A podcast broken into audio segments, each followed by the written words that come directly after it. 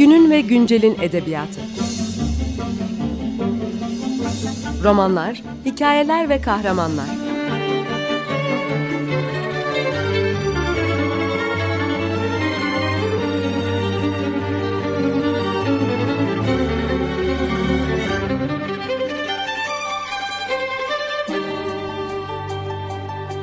Hazırlayan ve sunan Seval Şahin.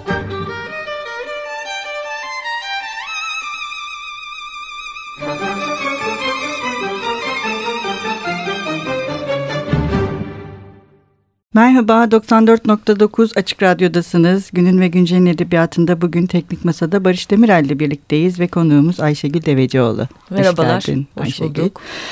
Ee, ben kısaca Ayşegül Devecioğlu'nu size tanıtacağım. Ayşegül Devecioğlu 1956 doğumlu İstanbul'da yaşıyor. 1977 yılında Orta Doğu Teknik Üniversitesi'nden öğreniminin tamamlayamadan ayrıldı. 1986'dan sonra gazete, dergi ve televizyonlarda çalıştı. Çeşitli dergilerde makaleleri, denemeleri yayınlandı. Ağlayan Dağ Susan Nehir romanıyla 2008 Orhan Kemal roman armağanını kazandı. Bugün Ayşegül Devecioğlu ile Güzel Ölümün Öyküsünü son kitabını konuşacağız. Evet, bugün burada olduğun için çok mutluyuz ayrıca. ee, Güzel Ölüm'ün öyküsü aslında senin edebiyatının e, temel meselelerinden birisi olan ne diyelim ötekileri ya da hı hı. daha ezilmiş aşağıda olanları hı hı. tırnak içinde anlatmaya devam ettiğin e, bir e, kitap ve e, kendi edebiyatında da hep bu daha sesi duyulmamış ya hı hı. da ne bileyim yürürken yanından geçip gittiğimiz hı belki üzerinde çok fazla düşünmediğimiz e, bu kişileri e, edebiyatının bir parçası haline getiriyorsun baştan beri. E, bunu seçmenin özel bir sebebi var mı? Yani e, büyük ihtimalle hani zaten hem kişisel ilgimim hem de sosyalist olmamın e, beni e, bir şekilde bunlara e, çektiği e, düşünülebilir. Yani zaten hani politik bir insan olarak da e, toplumun e, bu ötekiler dediğimiz ama işte e, farklı sınıflar diyeceğim ben e, yoksullar, emekçiler, sokakta yaşayanlar ya da e, kimlikleri nedeniyle işte çingeneler gibi ayrımcılığa uygulayanlar gibi şeylerle zaten politik olarak ilgiliyim ama e, geçen gün bir arkadaşla sohbet ederken de e, o şey e, yaptı. Yani insanın bu tür konulara ilgi duyması, bunları edebiyatına dahil etmesinin şeyi değil. E, Tabii ki. Garantisi ve güvencesi değil. Evet. Yani eğer ben e, bir edebi tanıma olmasa...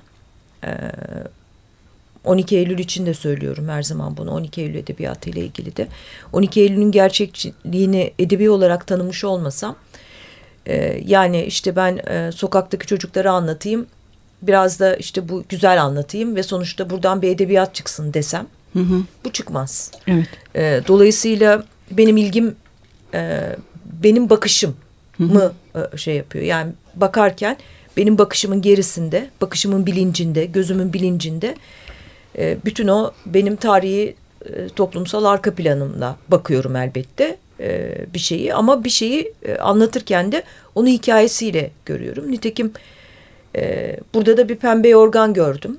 Evet. E, ve bütün hikaye e, oradan Evet, Emenike her yere o hı hı. Pembe yorganı götürüyor. Bir de yine senin edebiyatın e, hep böyle e, birden çok katmanla ilerliyor. Hı. Güzel Ölümün Öyküsü de öyle. Hı. Yani Emenike'nin aslında bir e, yurtta geçirdiği bir hayat var. Zaman zaman hatırladığı.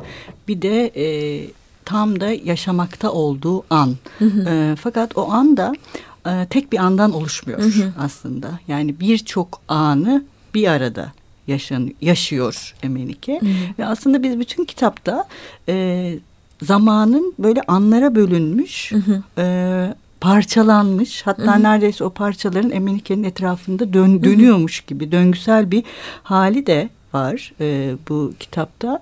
E, bu e, döngüsellik ya da zamanın böyle farklı farklı anlardan oluşması... E, senin böyle daha katmanlı bir yapı kurmak için özellikle Hı. yaptığın bir şey mi? Yoksa bu hani kahraman kendi halini ya da hallerini bu şekilde mi ortaya koyabiliyor. Yani güzel ölümün öyküsünden. Ee, benim zamanı ve hikayeyi kavrayışım öyle Hı hı. e, demek isterim ben bu soruya cevap olarak. Zaman zaten böyle. Hı hı. Yani şimdiki anın içerisinde bütün e, sadece biz de yokuz. Hı hı. Şimdiki anın içerisinde insanlığın oluştuğu bütün tarihsel toplumsal sahne var. Hı hı. E, dolayısıyla Emenike'nin anının içinde de Emenike'nin bütün hikayesi var aslında. E, ve ben zamanı böyle algıladığım için yani şimdiki zamanda böyle algıladığım için bu doğal olarak e, yansıyor diyebilirim. Özel bir tercih. Ya böyle anlatabiliyorum. Evet. Ve zamanı böyle kavruyorum. Yani e, bunu planlamıyorum. Öyle Hı. diyeyim. Bir de zamanın bu şekilde e, kavranması aslında e, hem son derece şiirsel bir Hı hı. üslubu beraberinde getiriyor. Bir taraftan da benim senin edebiyatında en çok sevdiğim şeylerden birisi hep bana şeyi hatırlatıyor. Hani bu e, eskimiş tabloları kazırsın ve boyaların altından hem döküntüler bir şey anlatır. Hem de onun altından çıkan aslında başka bir e, katman daha vardır. Yani bu eski ve yeninin anların e, hep birlikte olması ve bunların böyle serpiştirilmiş bir vaziyette e, olması e, ve bu serpiştirilmişliğin içinde de hep aslında bize bir çizgiyi değil hep döngüselliği anlatmak. Ve e, bu döngüsellik de aslında bana hep şeyi de çağrıştırıyor biraz mitleri de çağrıştırıyor. Hani mitler de hayatımızın her aşamasında aslında dönüp dönüp baktığımız ve o bakışımızda bu döngüselliği de sağlayan aslında hiç eskimeyen Hiç bir eskimeyen. taraftan bir şey. Ama birçok şey öylese var. Yani e, dediğim gibi bu zamanı döngüsel e, kavramakla ilgili ya da senin dediğin gibi birçok şey öyle. Yani Hı. geçmiş ya da eski dediğimiz şey şimdiki zamanın içinde. Ama biz bunu ne, de- ne derece hissedebiliyoruz e, ve ne derece yansıtabiliyoruz o ayrı bir e, konu. Ama zaman meselesine gelmişken bu kitabın zamanı beni e, bilmiyorum belki sen de oraya gelecektin. Hı hı. E, çok uğraştırdı. Defalarca e, şey şimdiki zamanla dili geçmiş zaman arasında e, şey Evet. yaptım.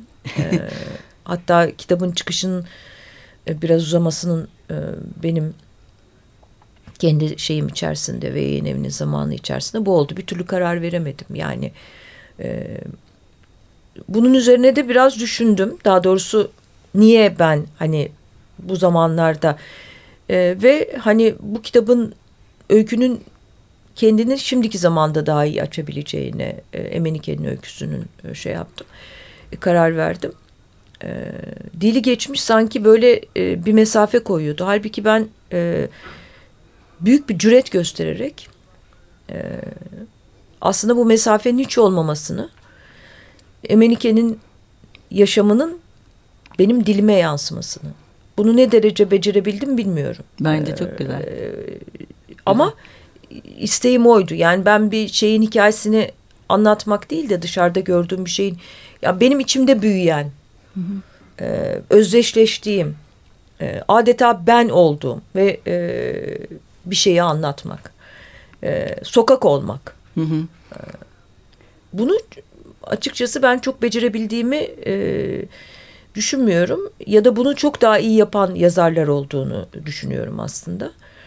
E, fakat ben de bu eksiği bir ölçüde kapamayı e, başardım e, diye gelir. Çok hisselleştirdiğim, hikayeye çok inandığım, e, bunun e, bu yaşantıyı derininden e, hissedebildiğim için Evet. o açığı sanki kapattım gibi geliyor. Bence e, çok iyi şimdiki zaman kullanımı. Zaten ben de e, kitapta e, yani şeyi de düşündüm. Hani e, şimdiki zamanla metinler üreten e, yazarlar. Hı hı. Mesela evet başka yazarlar da var. Fakat şimdiki zamanın aslında tam da dediğin gibi e, yani aslında hem e, yaşanılan ve büyütülen bir şeyi hem de hissetmeyi. Hı hı. Yani o duyumsamanın ortaklığı sağlanabilir bir şey haline dönüşüyor Hı hı. şimdiki zaman ama tabii ki herkeste değil. Fakat bu bence Güzel Ölüm'ün öyküsünde Yani çok iyi. mesafeyi kapatmak e, çok cüretkar Hı hı. e, bir yaklaşım. Hatta kitabı yazarken defalarca böyle bir şeye ben nasıl kalkıştım diye İyi ki kalkışmışsın. e, kendi kendimi yani dedim bu ne şeylik cesaret. E, çünkü saydamlaştırmaya çalışıyorum. Aradaki mesafeyi kapamaya ben olmaya çalışıyorum. Onun için de epey bir e, tabii bu sadece emekle olmuyor. Zihnin e, adeta bu olayın e, belki bütün romanlar ve öyküler böyle yazılıyor. E, o roman haline gelmesiyle oluyor. Yani e, hı hı. E, yine de e, insan olarak ve e, yani teorik olarak da biliyorum ki bu mesafeyi kapatmak mümkün değil. Evet. Bu mesafeyi kapatmaya uğraşabilirsin ancak. Ve ee, aktarabilirsin. Da, ve aktarabilirsin. Bu da şeyle olmuyor. Ee, senin dediğin gibi mutlaka işin içinde hisler e, oluyor. Yani e, niyetle bile olmuyor. Bence de. Ee, evet şimdi kısa bir ara verelim hı hı. istersen. Ee, Eric Clapton çalalım diye konuşmuştuk. Ha, mi? Eric Clapton çalalım. Tamam.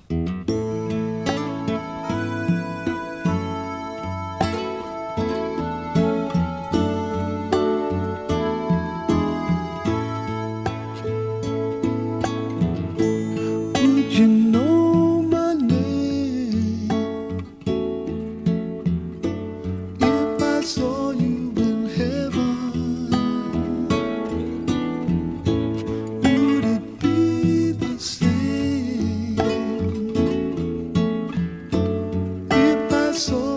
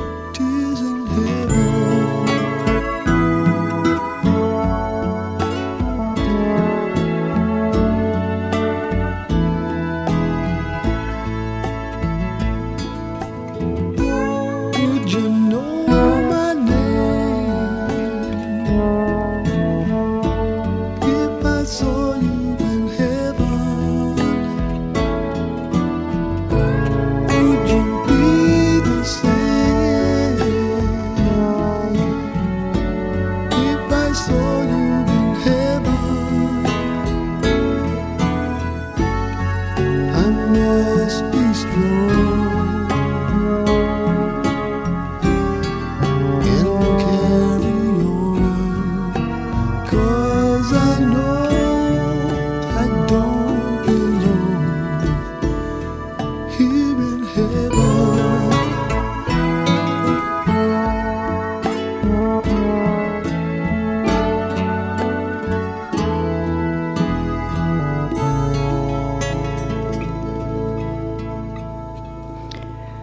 Merhaba, tekrar 94.9 Açık Radyo'dasınız. Günün ve Güncel'in edebiyatında bugün Ayşegül Devecioğlu'yla son kitabını Güzel Ölüm'ün öyküsünü konuşuyoruz. Programın ilk bölümünde e, kitaptaki şimdiki zaman ve şimdiki zamanla duygudaşlık kurmak ve bunun metindeki yeri üzerine konuşmaya başlamıştık. Biraz buradan devam edelim istiyorum. Çünkü Emenike bir sokak çocuğu hı hı.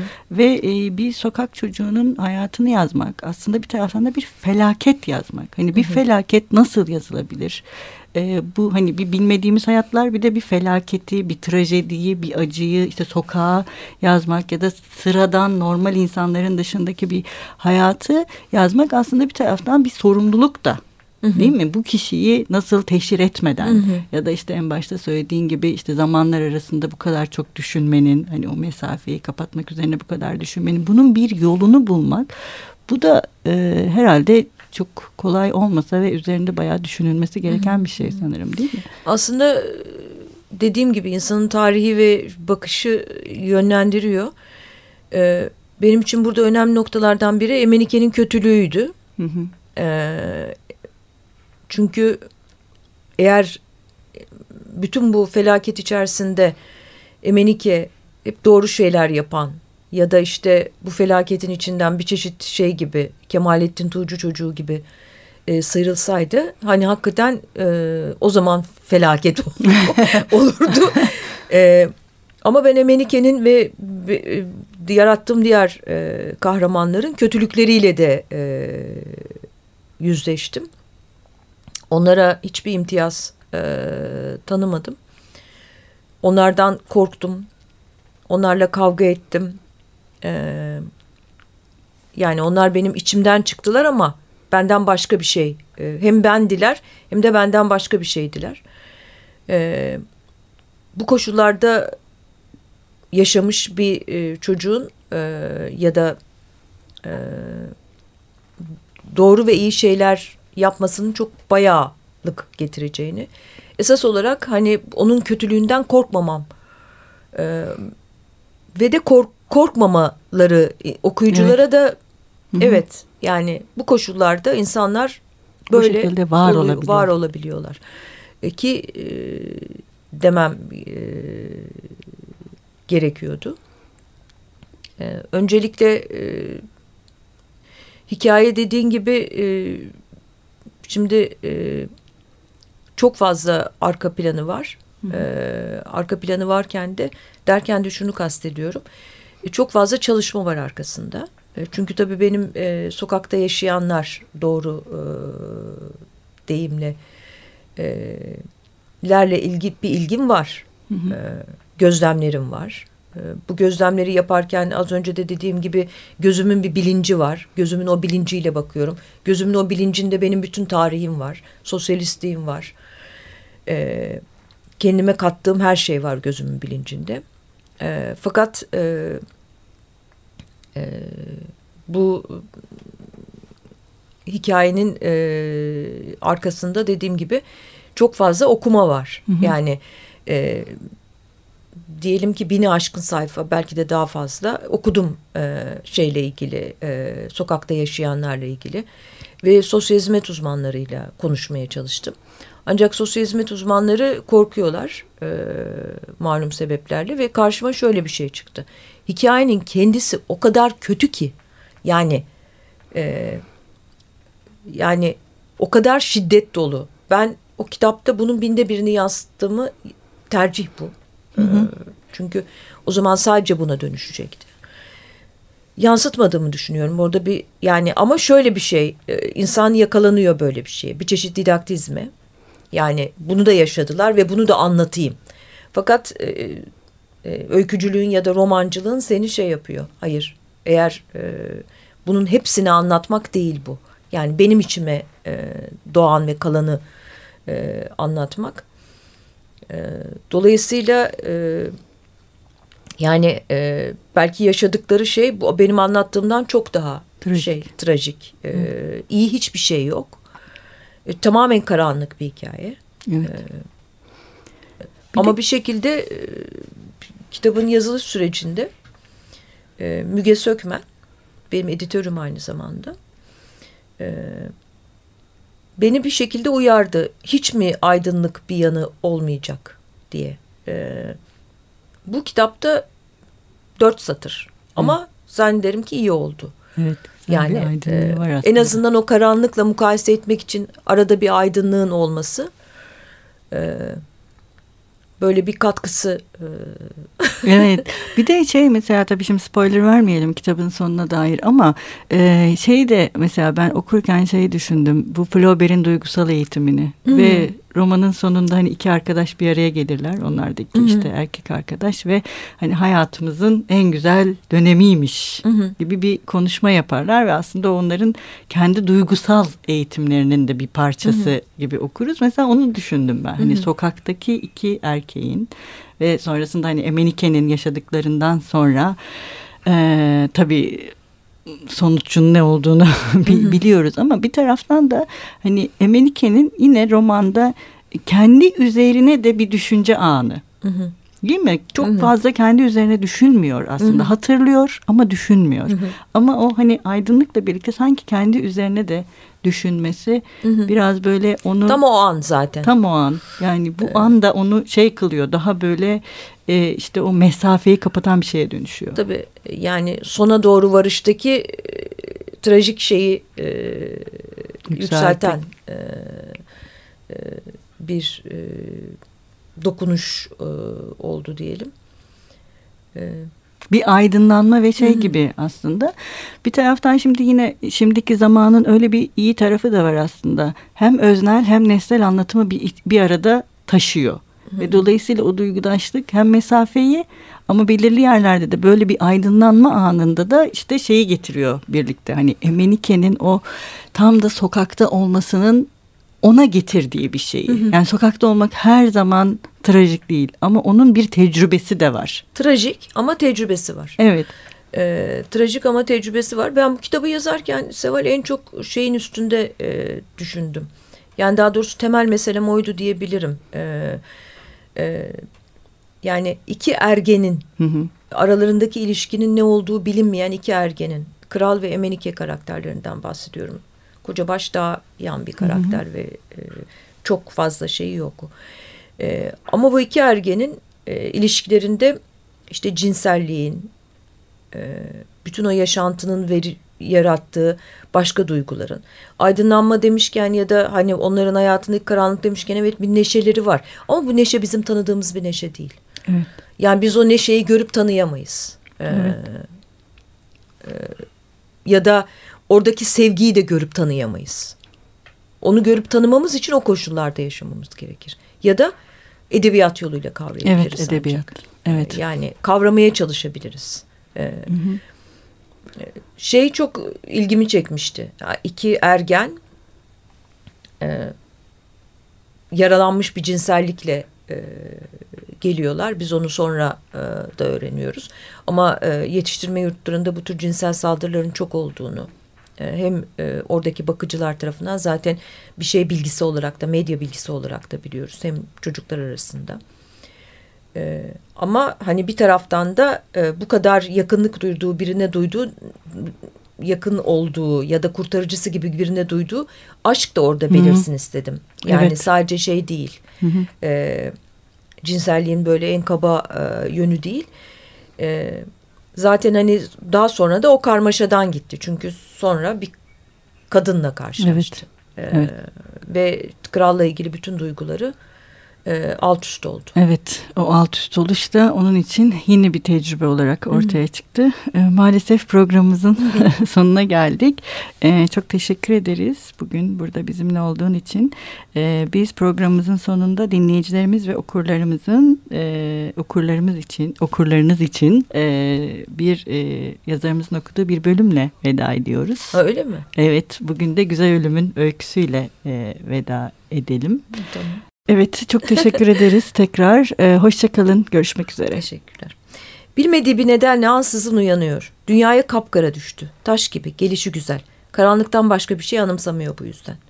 Sokakta hava ağarana kadar bekleyip sonra uyumaya alışkın. Ard arda birkaç geceyi uykusuz geçirdiğinde bile çevresinden akıp giden günü duyumsuyor. Peltemsi çığırtkan bir yoğunluk duyumsadı. Beynini emen yapışkan bir uğultu. Arada bir de o kükreme. betonun, inşaat kepçesinin, polis arabasının, kim bilir neyin. Günün ve güncelin edebiyatı. Romanlar, hikayeler ve kahramanlar.